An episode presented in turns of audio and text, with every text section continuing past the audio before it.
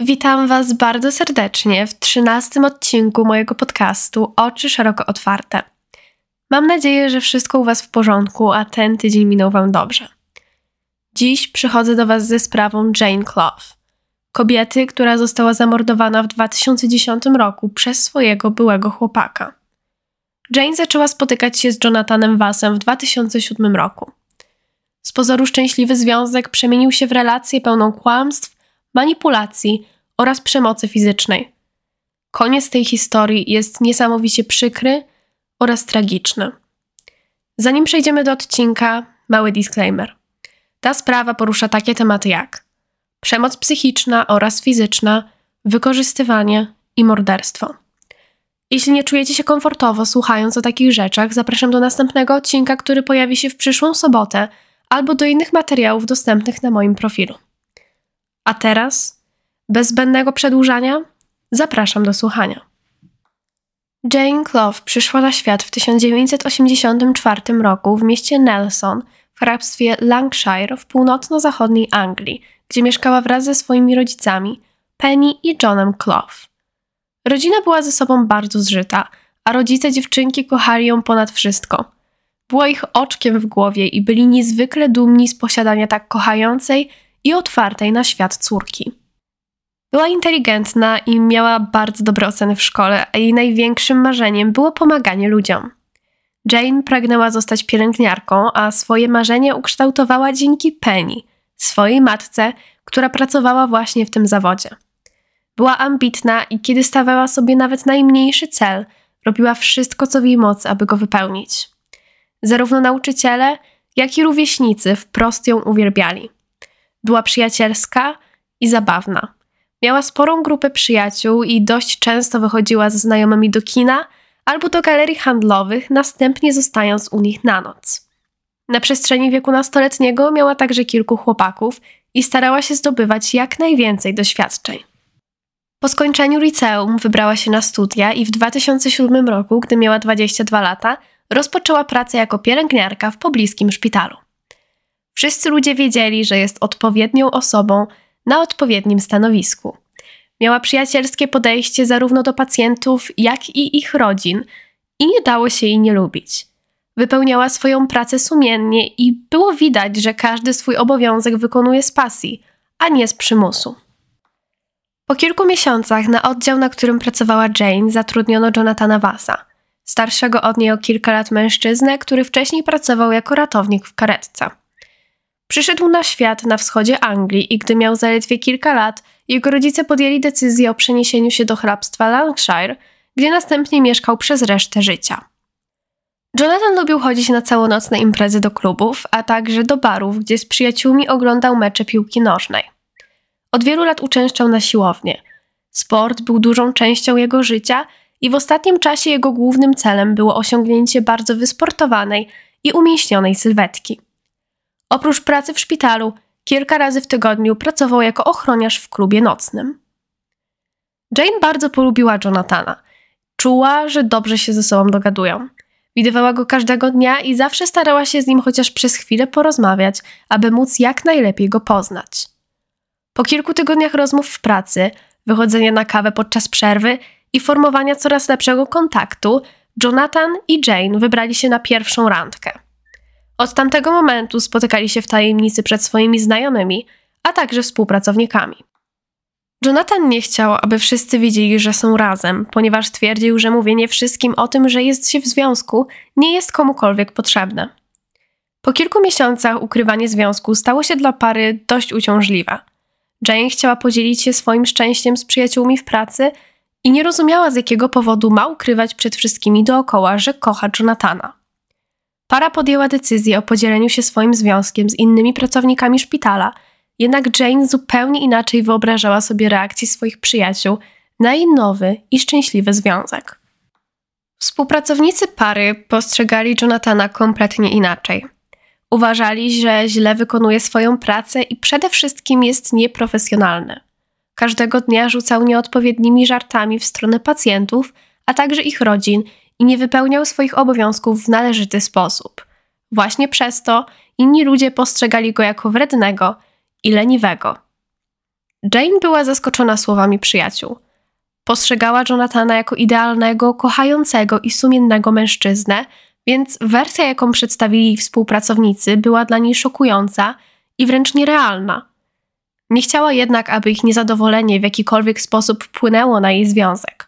Była pewna, że po prostu zna Jonathana lepiej i gdyby reszta osób poznała go w podobny sposób, zmieniliby o nim zdanie. Z każdym kolejnym tygodniem Jane była coraz bardziej zakochana w mężczyźnie i wierzyła, że będą razem już na zawsze. Jonathan kupował jej prezenty, zabierał ją na randki i chciał spędzać z nią każdą wolną chwilę. Kobieta była pewna, że jego uczucia wobec niej są silne i kocha ją ponad wszystko. Oczami wyobraźni widziała, że pewnego dnia pobiorą się, będą mieli dzieci i będą szczęśliwi już do końca życia. Była jednak ważna rzecz, o której Jane nie miała pojęcia. W pewnym momencie mężczyzna postanowił podzielić się z nią sekretem, o którym wcześniej nie chciał jej powiedzieć. A mianowicie miał żonę. Jonathan był żonaty od dwóch lat. Ponadto miał dwójkę małych dzieci. Nie miał żadnego problemu z okłamywaniem swojej żony oraz Jane i aż do tego dnia kobiety nie miały o sobie pojęcia, a przynajmniej właśnie Jane nie wiedziała, że w życiu Jonathana jest druga kobieta i mało tego, dzieci. Zupełnie zrozumiale Jane była zdruzgotana i załamana. Nie potrafiła zrozumieć, jakim cudem tak bliska jej osoba mogła zataić przed nią coś tak ważnego. Zresztą, gdyby wiedziała, że mężczyzna ma rodzinę, nigdy w życiu nie weszłaby z nim w związek.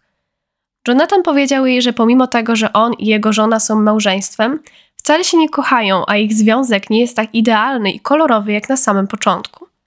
Wyznał, że od kilku miesięcy planuje rozwieść się ze swoją żoną, ponieważ jest niezwykle toksyczna i manipulująca. Powiedział Jane, że na przestrzeni kilku ostatnich lat kobieta wielokrotnie go zdradziła, a uczucie, którym niegdyś się darzyli, już dawno wygasło. Te słowa sprawiły, że Jane poczuła się nieco lepiej. W końcu teraz cała ta sytuacja miała w jej głowie więcej sensu.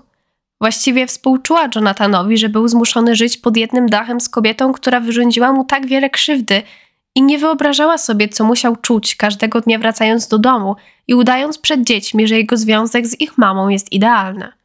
Postanowiła nie kończyć swojej relacji z Jonathanem. Wręcz przeciwnie, wspierała go w tak trudnej dla niego sytuacji i procesie rozwodowym. Z każdym kolejnym tygodniem ich związek nabierał tempa. Jane przedstawiła Jonathana swoim rodzicom, a ci naprawdę bardzo go polubili. Uważali, że jest idealnym partnerem dla ich córki i mieli nadzieję na to, że kiedyś zostanie jej mężem. Po sześciu miesiącach, a dokładniej na początku 2008 roku, Jonathan sfinalizował rozwód ze swoją żoną i z okazji tego para postanowiła razem zamieszkać. Wszystko zdawało się iść w jak najlepszym kierunku. Jane była szczęśliwa i wierzyła, że rozwód Jonathana był początkiem jeszcze głębszej i poważniejszej relacji pomiędzy nimi. Pomimo tego, jak idealny wydawał się być w jej oczach, wcale taki nie był i w zasadzie okłamywał ją przez cały czas. Tak naprawdę jego żona nigdy go nie zdradziła, nie była toksyczna, a ich związek był naprawdę bardzo udany. Nie planował się z nią rozwieść, kiedy poznał Jane, i nie planował tego zrobić, kiedy wmawiał jej te wszystkie kłamstwa.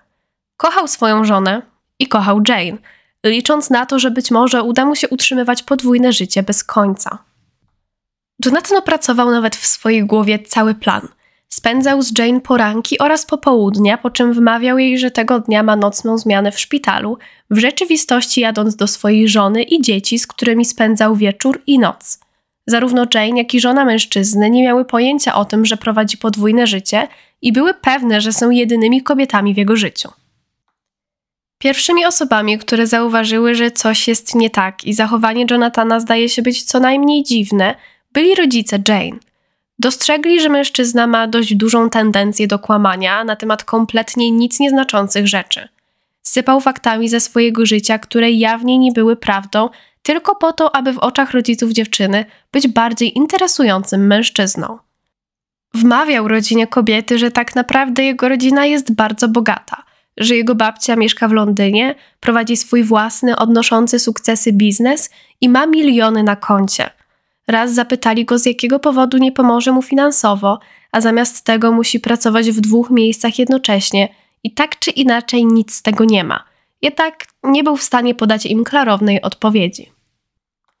W rzeczywistości Jonathan był kłamcą i manipulatorem. Ponadto miał sporo długów. Jak się domyślacie, jego rodzina wcale nie była bogata. Żyli w północno-zachodniej Anglii od wielu lat i choć nie mieli wielu pieniędzy, byli bardzo szczęśliwi. Związek Jane i Jonathana z pozoru idealnej relacji zaczął dość szybko przeradzać się w coś bardzo toksycznego. Kobieta nie miała problemu z tym, w jaki sposób zachowuje się jej partner i nie widziała nic złego w tym, że stawał się wobec niej coraz bardziej kontrolujący. Zawsze musiał wiedzieć z kim i gdzie wychodzi, a w trakcie spotkania pisał do niej bardzo często, chcąc upewnić się, że go nie zdradza. Jane traktowała to jako oznakę zainteresowania jej osobą. Była pewna, że Jonathan zwyczajnie chce wiedzieć jak najwięcej o jej życiu. Jej przyjaciele i rodzina wiedzieli, że jego zachowanie wobec niej nie jest normalne i powinno się jak najszybciej zmienić. Zaczęli podejrzewać, że Jane została zmanipulowana przez Jonathana, jednak jakakolwiek próba rozmowy z kobietą nie przynosiła oczekiwanych rezultatów. Nie widziała tego, co widzieli inni. Jonathan pokazywał się jej w samych najlepszych barwach i robił wszystko, aby ją zmanipulować. Manipulacja w relacji nie jest rzeczą łatwą i osoba manipulowana bardzo często staje się uzależniona od swojego oprawcy, przez co o wiele trudniej jest jej zauważyć, jak toksyczna jest relacja, w której się znajduje. Osoby takie bardzo często są zaślepione słodkimi słowami, jakie kierowane są w ich stronę, czy też obietnicami albo rzeczami materialnymi. W grę bardzo często wchodzi także taktyka love bombingu, która ma na celu jeszcze bardziej zatrzymać osobę manipulowaną u boku sprawcy. Manipulacja zazwyczaj jest obecna od samego początku relacji, jednak oprawcy starają się ją dawkować, aby ofiara nie miała pojęcia, że tak naprawdę wchodzi w toksyczny związek, z którego później niesamowicie ciężko będzie jej wyjść. Ofiary często nie wierzą w słowa osób z zewnątrz, które informują je o wpływie toksycznej relacji na ich życie i postrzegają oprawcę w zupełnie inny sposób. Jonathan z czasem zaczął wplatać w konwersacje rzeczy, które sprawiały, że Jane wychodziła przy ludziach na osobę mniej inteligentną niż naprawdę jest. Ponadto czasami komentował jej wygląd, robiąc wszystko, aby poczuła się mniej piękna oraz ważna. Jane odbierała to w zupełnie inny sposób, jak coś, co ma dodać jej motywacji, aby coś w sobie zmieniła. Również wtedy jego kontrolująca strona w relacji z Jane zaczęła się pogłębiać. Teraz nie tylko pisał i dzwonił do niej za każdym razem, kiedy wychodziła bez niego z domu, ale także chodził za nią krok w krok, śledząc na każdym spotkaniu, o czym kobieta nie miała pojęcia. Było jednak kilka sytuacji, w których Jane zauważyła, że Jonathan ją śledzi. Czasami widziała jego samochód, gdy piła kawę z przyjaciółką, albo jadła obiad ze współpracownikami w wolny weekend. Jane ukrywała wiele rzeczy na temat swojego związku przed rodziną i przyjaciółmi. Nie mieli pojęcia, że Jonathan ją śledzi i jest kontrolujący. Zataiła również to, że mężczyzna znęcał się nad nią nie tylko psychicznie, ale także fizycznie. Od momentu, w którym razem zamieszkali, było wiele sytuacji, w których Jonathan uderzył Jane. Oczywiście uważała, że to nie do pomyślenia i bardzo nie podobało jej się jego przemocowe zachowanie. Jednak z drugiej strony czuła, że zasługiwała na przemoc z jego strony. Czuła, że być może zrobiła coś źle, co miało prawo go zdenerwować, i nie widziała, że wina leży wyłącznie po jego stronie. Z czasem jego agresywne i przemocowe zachowanie wobec Jane zaczęło eskalować. Szarpał nią, ciągnął ją za włosy i popychał. Po kilku miesiącach jedna ze współpracownic Jane zauważyła, że coś jest nie tak. Spostrzegła siniaka na szyi kobiety i postanowiła zapytać, czy coś złego nie dzieje się w jej życiu. Pomimo obaw, Jane wyznała kobiecie prawdę i powiedziała jej o tym, że Jonathan stosuje wobec niej przemoc fizyczną. Coraz więcej osób zaczęło dostrzegać, że Jane jest w toksycznym związku. Nosiła szaliki i golfy, aby zakryć siniaki znajdujące się na jej ciele. Nosiła kilka warstw makijażu i przede wszystkim nie była taka jak kiedyś. Kiedy zaczęła pracować w szpitalu, była szczęśliwa, zabawna i przyjacielska – a od jakiegoś czasu była wyraźnie przestraszona, zmęczona, mniej się uśmiechała i bardzo zamknęła się w sobie. Rzecz jasna, zarówno rodzina, jak i współpracownicy prosili Jane, aby odeszła od Jonathana, widząc, że jej związek jedynie ją wyniszcza. Jednak kobieta nawet nie chciała o tym słyszeć. Czuła, że zasługuje na takie traktowanie i starała się być jeszcze lepsza, licząc na to, że Jonathan przestanie traktować ją w tak okrutny sposób. Nie chciała widzieć, jak toksyczny jest ich związek i była pewna, że jest to jedynie okres przejściowy. Wciąż trzymała się nadziei, że jeszcze kiedyś Jonathan będzie taki, jak był na początku. Chciała zrobić wszystko, co w jej mocy, aby był taki jak wcześniej, i zamiast dawać siebie 100%, dawała dwa razy więcej. Z czasem stało się to dla niej niesamowicie męczące, skoro otrzymywała od Jonathana jedynie okruchy, niby prawdziwej miłości. Jonathan zaczął zabierać jej telefon na kilka dni w obawie przed tym, że rozmawia z innymi mężczyznami. W związku z tym bardzo często nie miała kontaktu ze swoją rodziną oraz przyjaciółmi. Zdarzyło się także, że zamykał ją w domu na klucz i nie pozwalał wyjść. Jane stawała się więźniem własnego domu, a jej relacja z Jonathanem zaczęła przybierać coraz mroczniejszy ton. W styczniu 2009 roku Jane zaszła w ciąży z Jonathanem. Wieść o tym, że będą mieli dziecko, zaskoczyła nie tylko ją, ale także jej przyjaciół oraz rodzina. Wiedząc, jak mężczyzna traktuje Jane, jej bliscy byli niesamowicie przerażeni na samą myśl o tym, że będzie chciała stworzyć z nim rodzinę. Wiedzieli, że pomimo toksycznej relacji nie zostawi teraz Jonathana i chcieli zrobić wszystko, aby zapewnić kobietę, że pomogą jej w samotnym wychowywaniu dziecka. Pomimo tego, że Jane była zaskoczona, była również bardzo szczęśliwa. Kochała Jonathana i chciała założyć z nim rodzinę. Liczyła na to, że jej ciąża zmieni mężczyznę i przestanie być w stosunku do niej przemocowy. Niestety, rzeczywistość wyglądała zupełnie inaczej. Jonathan nie przestał znęcać się nad swoją dziewczyną, a kiedy była w siódmym miesiącu ciąży, dopuścił się czegoś strasznego i wprost niewyobrażalnego. Pewnego dnia Jane i Jonathan szokowali się do snu. Mężczyzna zażądał, że Jane ma uprawiać z nim seks, na co kobieta nie miała tego dnia ochoty. Pomimo tego, że powiedziała mu nie, Jonathan wykorzystał Jane. Z czasem zaczął wykorzystywać Jane coraz częściej, aż do momentu, w którym na świat przyszła ich córka. Dziewczynka urodziła się w październiku 2009 roku i przez kilka tygodni po porodzie Jonathan zdawał się być taki, jak był na początku. To dało Jane nadzieję na to, że przemoc psychiczna i fizyczna zniknie, a mężczyzna będzie kochającym chłopakiem oraz ojcem. Niestety jednak wcale tak nie było. Zaledwie kilka tygodni po narodzinach córki Jonathan wykorzystał Jane po raz ósmy na oczach niemowlaka. Był to moment, w którym kobieta zrozumiała, że jej partner nigdy się nie zmieni i nie będzie traktować jej tak jak na początku. Teraz w grę wchodziło także bezpieczeństwo jej córki, a ponad wszystko zależało jej na tym, aby jej dziecko miało spokojne, bezpieczne i szczęśliwe dzieciństwo. Pewnego dnia, kiedy Jonathan był w pracy, Jane spakowała wszystkie swoje rzeczy.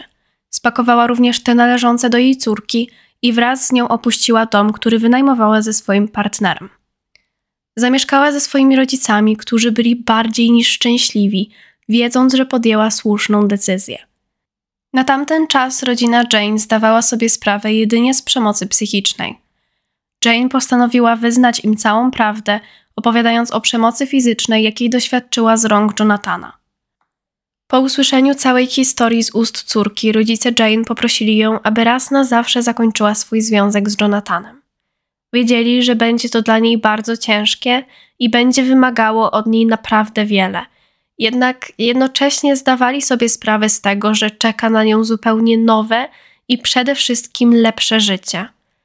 Nie byli w stanie zabronić jej spotykać się z mężczyzną. Nie mogli również zamknąć jej w domu. Musiała być to tylko i wyłącznie jej decyzja. Wszystko jednak wskazywało na to, że Jane nie była emocjonalnie gotowa, aby definitywnie zakończyć swój związek z Jonathanem. Przez kilka następnych dni Jonathan pisał i dzwonił do kobiety, prosząc, aby do niego wróciła. Wysłał jej nawet wiadomość, w której napisał, i tutaj cytuję: Będziemy razem na zawsze, niezależnie od naszych problemów. Na co Jane odpowiedziała: Kocham cię, Johnny, ale boję się ciebie. Jonathan zaczął przepraszać kobietę. Pisał, że żałuje, że ją kocha i zrobi wszystko, aby do niego wróciła. Jane zgodziła się ponownie wprowadzić do domu, który wynajmowali, ale tylko pod warunkiem, że mężczyzna zasięgnie pomocy psychologa. Na co od razu się zgodził. W związku z tym kobieta spakowała swoje rzeczy, wzięła córkę i po raz kolejny zamieszkała z Jonathanem, wierząc, że jego słowa są prawdą. Jane wierzyła, że pomoc psychologa sprawi, że jej związek z Jonathanem będzie taki jak dawniej. Kochała go i pomimo znęcania, jakiego doświadczyła z jego rąk, naprawdę chciała, aby stworzyli szczęśliwą rodzinę. Trzymała się ostatniej resztki nadziei, jaka w niej została, i miała nadzieję na to, że psycholog wyśle mężczyznę do psychiatry, gdzie otrzyma leki, które choć trochę mu pomogą.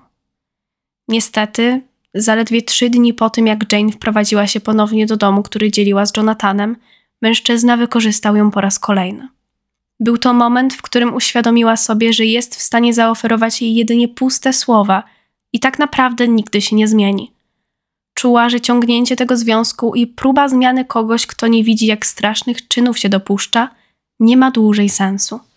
Tym razem Jane podjęła decyzję, że odchodzi od Jonathana na dobre i nigdy więcej nie chce widzieć go na oczy. Spakowała siebie i swoją córkę, a następnie wróciła do domu rodzinnego. Rodzice kobiety poprosili ją, aby tym razem zgłosiła sprawę na policję. Bali się, że jeśli tego nie zrobi, Jonathan wyrządzi jej krzywdę. Przez cały czas Jane bardzo się przed tym zbraniała, jednak w tamtym momencie nie postrzegała go jako osobę, którą kocha, a jako swojego oprawcę i wiedziała, że musi zrobić coś z zaistniałą sytuacją dla swojego dobra i dla dobra swojej córki. Jane poszła na policję, gdzie wyznała, że od kilku lat zmaga się z psychiczną, jak i fizyczną przemocą i została wielokrotnie wykorzystana przez Jonathana. W zgłoszeniu umieszczono także zdjęcia jej siniaków oraz zeznania jej bliskich. Policja natychmiast aresztowała mężczyznę i zabrali go na przesłuchanie. Jonathan zaprzeczył wszystkim oskarżeniom, wmawiając funkcjonariuszom, że Jane kłamie i opowiada wszystkie te rzeczy, ponieważ szuka uwagi.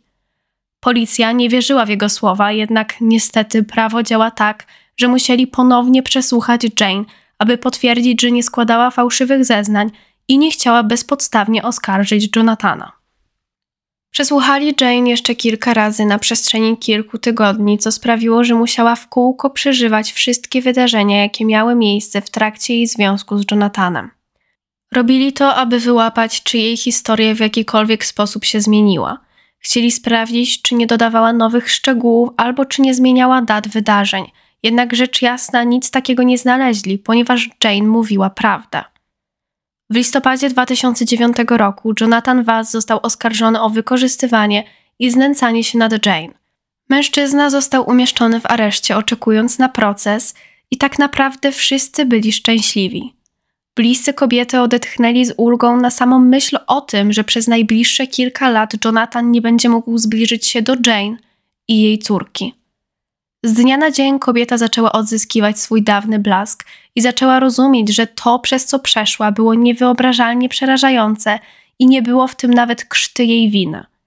Wiedziała, że pozbieranie się po tak toksycznej i przemocowej relacji będzie bardzo ciężkie, ale miała motywację, aby walczyć o powrót starej siebie dla swojej córki. Chciała wychowywać ją w bezpiecznym i szczęśliwym środowisku bez kłótni i przemocy – Liczyła na to, że za kilka lat będzie żyć z dala od Jonathana, a jej córka będzie miała najpiękniejsze i najlepsze dzieciństwo, o jakim dziecko może tylko marzyć. Na samym początku Jane wybrała się na urlop macierzyński. Spędziła czas w rodzinnym gronie, zajmując się swoją córką i przepracowując traumę, jakiej doświadczyła, będąc w związku z Jonathanem. Z czasem zaczęła powoli wracać do pracy, najpierw na jedną, a następnie na dwie zmiany w tygodniu. Wszystko zdawało się iść w jak najlepszym kierunku. Jej rodzina i przyjaciele widzieli w niej ogromną zmianę i wierzyli, że niedługo wszystko wróci do normy. Jednak niestety wszystko miało się zmienić w bardzo krótkim czasie. Tak jak wspomniałam wcześniej, Jonathan został umieszczony w areszcie oczekując na proces. Z racji tego, że nie został jeszcze oskarżony, był w stanie ubiegać się o kaucję, co postanowił natychmiast zrobić. Za pierwszym razem możliwość wyjścia za kaucją została odrzucona. Za drugim również. Bliscy Jane byli przerażeni na samą myśl o tym, że Jonathan może wyjść na wolność. Prawnik kobiety zapewnił ją, że po tym jak kaucja została odrzucona dwukrotnie, nie ma opcji, aby sąd pozwolił mu wyjść na wolność. Jednak niestety właśnie tak się stało. Po tym jak Jonathan zaaplikował trzeci raz o możliwość wyjścia za kaucją, została mu ona przyznana. Mężczyzna wyszedł na wolność, żyjąc pośród Jane, córki i jej bliskich. Jonathan stracił pracę, a także żonę, która rzecz jasna dowiedziała się o wszystkim, co się wydarzyło. W końcu jej mąż siedział w więzieniu. Wyrzuciła go z domu i pomimo całej sytuacji pozwoliła mu widywać się z dziećmi. Wypuszczenie Jonathana na wolność było niesamowicie głupią i nieprzemyślaną decyzją. Sędzia, który się na to zgodził, kompletnie nie przemyślał konsekwencji tego, co może się wydarzyć, jeśli tak agresywny i przemocowy mężczyzna będzie chodził ulicami miasta, w którym mieszka jego ofiara. Rzecz jasna, były pewne zasady, których nie mógł łamać. Na przykład nie mógł zbliżać się do Jane oraz ich córki, jednak tak naprawdę nikt za nim nie chodził i nikt nie sprawdzał, czy nie łamie zasad wyjścia za kaucją. Rodzina Jane robiła wszystko, aby zapewnić jak najwięcej bezpieczeństwa swojej córce. Nie pozwalali wychodzić jej samej do pracy czy na zakupy. Zawsze chociaż jedna osoba była obecna wraz z nią w domu, a ponadto założyli dodatkowe zamki na drzwi. Przez kilka następnych tygodni bliscy Jane, jak i sama w sobie kobieta, byli przerażeni tym, że pewnego dnia Jonathan zapuka do ich drzwi. Byli pewni, że to nastąpi, jednak nie mieli pojęcia kiedy – Mniej więcej w tamtym okresie Jane zaczęła prowadzić dziennik. Chciała zapisywać w nim wszystkie wydarzenia, w których została skrzywdzona przez Jonathana i wyrazić swój lęk względem tego, że jest teraz na wolności i w każdej chwili może ją odnaleźć. Wiedział, że mieszkał u swoich rodziców i zarówno Jane, jak i jej rodzina wiedzieli, że prędzej czy później staną z nim twarzą w twarz. Przeczytam Wam teraz kilka cytatów z jej dziennika, które zostały ujawnione do opinii publicznej w trakcie powstawania dokumentu z 2013 roku Countdown to Murder, Stalked to Death, Jane Clough. Polecam Wam go obejrzeć, zawiera wywiad z rodziną Jane, a także niepublikowane wcześniej materiały. Możecie znaleźć go na YouTube. 15 stycznia napisała: Martwię się, że Johnny zrobi coś głupiego, na przykład spróbuje mnie znaleźć. Czas mu ucieka. Nie wierzę w to, że nic nie zrobi i będzie czekać, aż sędzia uzna go winnym. Nie pozwoli im wsadzić go za kratki i nie mogę przestać myśleć o tym, że będzie chciał się na mnie zemścić. Dwa tygodnie później napisała: Kiedy to piekło się skończy? Wiem, że niektórzy myślą, że przesadzam. Mówią, że jeśli Johnny miałby złamać zasady wyjścia za kaucją, to już by to zrobił, ale nie wierzę w to. Boję się. W lutym 2010 roku napisała: Jaki jest jego plan? Co zrobi? Nie wydaje mi się, że zwyczajnie pójdziemy na jego proces, a on nic mi nie zrobi. Myślę, że to nie koniec. W marcu 2010 roku napisała: Martwię się, że Johnny po mnie przyjdzie. Może nawet, aby mnie zabić. Co by go powstrzymało? Do procesu Jonathana zostało wówczas jeszcze pół roku. Jane żyła w wiecznym strachu i w obawie przed tym, że mężczyzna wyrządzi jej krzywdę. Bała się także o swoją córkę i nie wiedziała, co może zrobić, aby uniknąć jego obecności. Bliscy naprawdę bardzo o nią dbali i jak wspomniałam wcześniej, nie opuszczali jej choćby na krok. Jednak to wcale nie sprawiało, że czuła się bezpieczna. Wiedziała, że Jonathan jest nieobliczalny i bała się najgorszego. W maju 2010 roku Jane poszła na posterunek policji, aby złożyć ostateczne zeznania, które miały być użyte przeciwko Jonathanowi w sądzie. Zgodziła się także zeznawać przeciwko niemu w sądzie jako jedyny świadek wydarzeń. Policja powiadomiła prawnika Jonathana o tym, że będzie przeciwko niemu zeznawać, a ten od razu poinformował o wszystkim mężczyznę. Jonathan oskarżał Jane o całą zaistniałą sytuację. Sądził, że to jej wina, że stracił pracę oraz żonę i nie widział nic złego w swoich czynach wobec kobiety. Wręcz przeciwnie, zachowywał się tak, jakby to, co zrobił, było zupełnie normalne, co rzecz jasna nigdy nie było winą Jane. Z czasem Jonathan podjął decyzję o złamaniu zasad wyjścia na wolność za kaucją. Zaczął od śledzenia każdego kroku Jane w internecie. Śledził jej media społecznościowe i obsesyjnie czytał każdy wpis, jaki się tam pojawiał, licząc na to, że dowie się jak najwięcej o jej obecnym życiu. Przez śledzenie jej mediów społecznościowych był w stanie dowiedzieć się, w jakich godzinach pracuje i kiedy przebywa w domu. Po zdobyciu tych informacji zaczął ją śledzić – po tym, jak jego żona wyrzuciła go z domu, mieszkał z rodzicami, kilkadziesiąt kilometrów od obecnego miejsca zamieszkania Jane.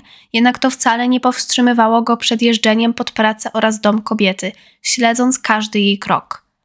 Jane nie miała pojęcia, że Jonathan obserwuje ją każdego dnia, patrząc jak wysiada z samochodu, a następnie ktoś ze współpracowników idzie odebrać ją z parkingu i eskortuje ją do szpitala. Po jakimś czasie Jane zaczęła czuć się coraz pewniej. Mijały dni, i tygodnie, a Jonathan nie dawał o sobie znać. Zaczęła podejrzewać, że być może przyznał się przed samym sobą, że to wszystko była jego wina i to on był sprawcą przemocy psychicznej oraz fizycznej. W związku z tym podjęła decyzję o samodzielnym dojeżdżaniu do pracy i braku eskorty z parkingu do szpitala. Uznała, że w zaistniałej sytuacji jest to niepotrzebne i wierzyła w to, że mężczyzna jej nie skrzywdzi. 25 czerwca 2010 roku Jane wyszła do baru ze znajomymi po raz pierwszy od wielu miesięcy. Czuła, że właśnie zaczyna się nowy rozdział w jej życiu i nie chciała dłużej żyć w strachu jako więzień własnego domu. Chciała żyć pełnią życia i robić to, do czego powinna mieć prawo, bez obawy przed tym, że zostanie skrzywdzona przez swojego byłego partnera. Kobieta bawiła się wspaniale. Jej znajomi wyznali, że była szczęśliwa. Tańczyła i śpiewała, ciesząc się z życia wolnego od przemocy. Zaczęli dostrzegać w niej starą Jane, która rzucała żartami na lewo i prawo. W końcu była znowu sobą. Cała grupa siedziała w barze do późnych godzin nocnych. Następnie Jane została na noc u swojej znajomej, a z rana poszły na śniadanie i kawę. Nie była na tak długim i przede wszystkim miłym wyjściu, odkąd zaczęła spotykać się z Jonathanem, więc chciała korzystać z każdej chwili. Po zjedzeniu śniadania w pobliskiej restauracji, znajoma odwiozła Jane do domu, gdzie kobieta spędziła czas ze swoją córką i rodzicami. Dwa dni później, 25 czerwca, Jane wstała rano, zajęła się swoją córką, zjadła śniadanie i spędziła miły poranek oraz popołudnie z rodziną. Następnie wsiadła do samochodu, aby pojechać do pracy na nocną zmianę. Około 20 zaparkowała samochód 200 metrów od wejścia do szpitala, po czym wysiadła z auta. Kompletnie nie zdawała sobie sprawy z tego, że Jonathan również jest na tym samym parkingu co ona. Zaparkował swój samochód po drugiej stronie parkingu, po czym rowerem podjechał w stronę szpitala, czekając na Jane. W momencie, w którym ją zobaczył, podszedł do niej, każąc natychmiast wycofać zarzuty. Jane była nieugięta i rzecz jasna nie chciała wycofać zarzutów. Chciała uciec od Jonathana, jednak nim zdążyła to zrobić, złapał ją i wyciągnął nóż z kieszeni, dźgając nim kobietę. Jonathan zadał Jane 71 ran kłutych nożem. Po ataku ruszył w stronę swojego roweru, aby odjechać z miejsca zbrodni. Zanim na niego wsiadł, obejrzał się za siebie, aby spojrzeć na ciało Jane, jednak nie było jej tam. Pomimo ran kłutych, żyła. Udało jej się unieść na dłoniach i zaczęła czołgać się w kierunku swojego samochodu. Jonathan podszedł do niej i aby mieć pewność, że umrze, podciął jej gardło. Wsiadł na rower, po czym podjechał nim do swojego samochodu i odjechał najdalej jak potrafił. Kilka minut po tym, jak Jonathan opuścił miejsce zbrodni, Jane została znaleziona na szpitalnym parkingu. Gdy została odnaleziona, wciąż żyła i została czym prędzej przetransportowana do środka szpitala, gdzie przewieziono ją na oddział intensywnej terapii. Jane pracowała właśnie na tym oddziale i również tam pracowali wszyscy jej przyjaciele. To oni byli osobami, które robiły wszystko, co w ich mocy, aby uratować jej życie. Współpracownicy kobiety zeznali, że kiedy zobaczyli ją na noszach, nawet jej nie poznali. Rane kłuty były obecne na całym jej ciele, a jej stan był niezwykle poważny. Byli w stanie zidentyfikować ją po karcie dostępu do szpitala, która była przypięta do jej uniformu. Niestety, pomimo ogromnych starań, lekarzom i pielęgniarkom nie udało się uratować Jane. Zmarła 25 czerwca 2010 roku w szpitalu, w którym pracowała. Rodzice Jane zostali poinformowani o śmierci córki kilka minut po północy, cztery godziny po tym, jak zmarła. Zarówno rodzina, jak i przyjaciele kobiety natychmiast wiedzieli, kto był odpowiedzialny za jej śmierć. Byli tego pewni. Powiedzieli policji, że mają szukać Jonathana Vasa i tak też zrobili, wiedząc, że miał być oskarżony o wykorzystywanie i znęcanie się nad Jane. Funkcjonariusze zebrali się pod domem rodziny Clough, otaczając go z każdej strony.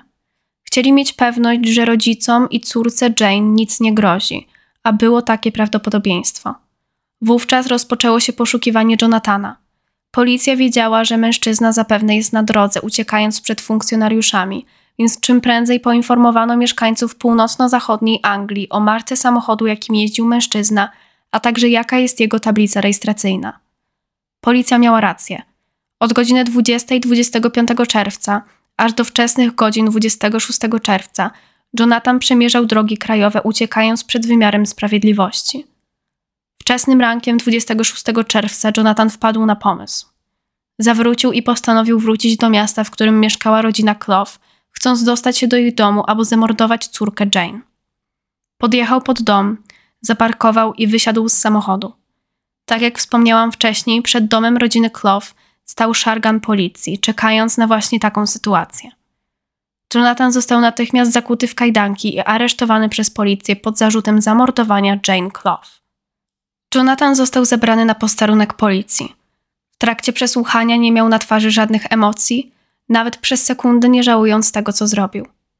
Proces rozpoczął się 7 października 2010 roku. Jako znaczący dowód w sprawie użyto zeznań Jane, a także jej dziennika. Dla sądu wszystko było jasne. Jane wiedziała, że Jonathan ją zamorduje.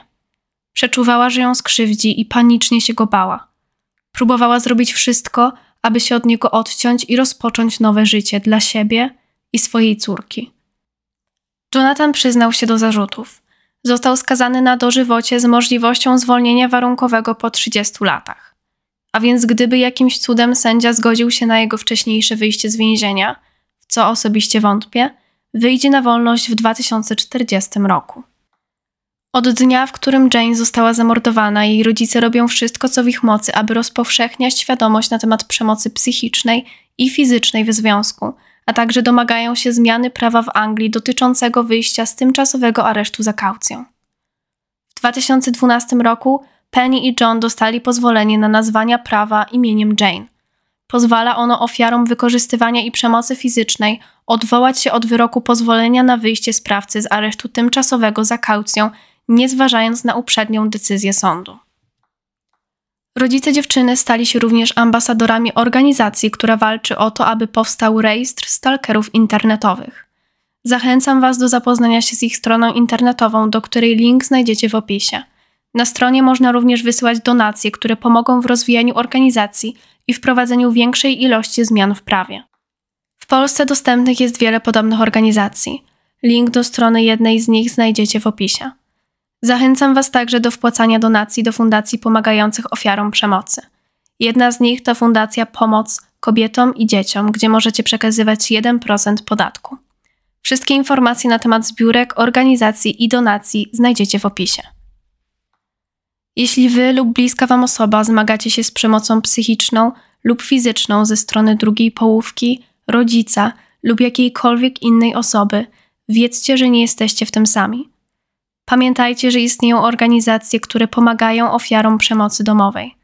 Zawsze możecie zadzwonić pod numer alarmowy bezpośrednio na policję lub skontaktować się z niebieską linią dostępną pod numerem 22 668 70 00 lub 800 120 002.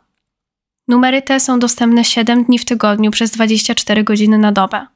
Niebieska linia oferuje także umawianie wizyt z psychologiem oraz prawnikiem pod numerem 22 824 25 01. Na stronie 116sos.pl możecie napisać formularz online lub porozmawiać z pracownikami na czacie. Link do obu stron znajdziecie pod tym filmem.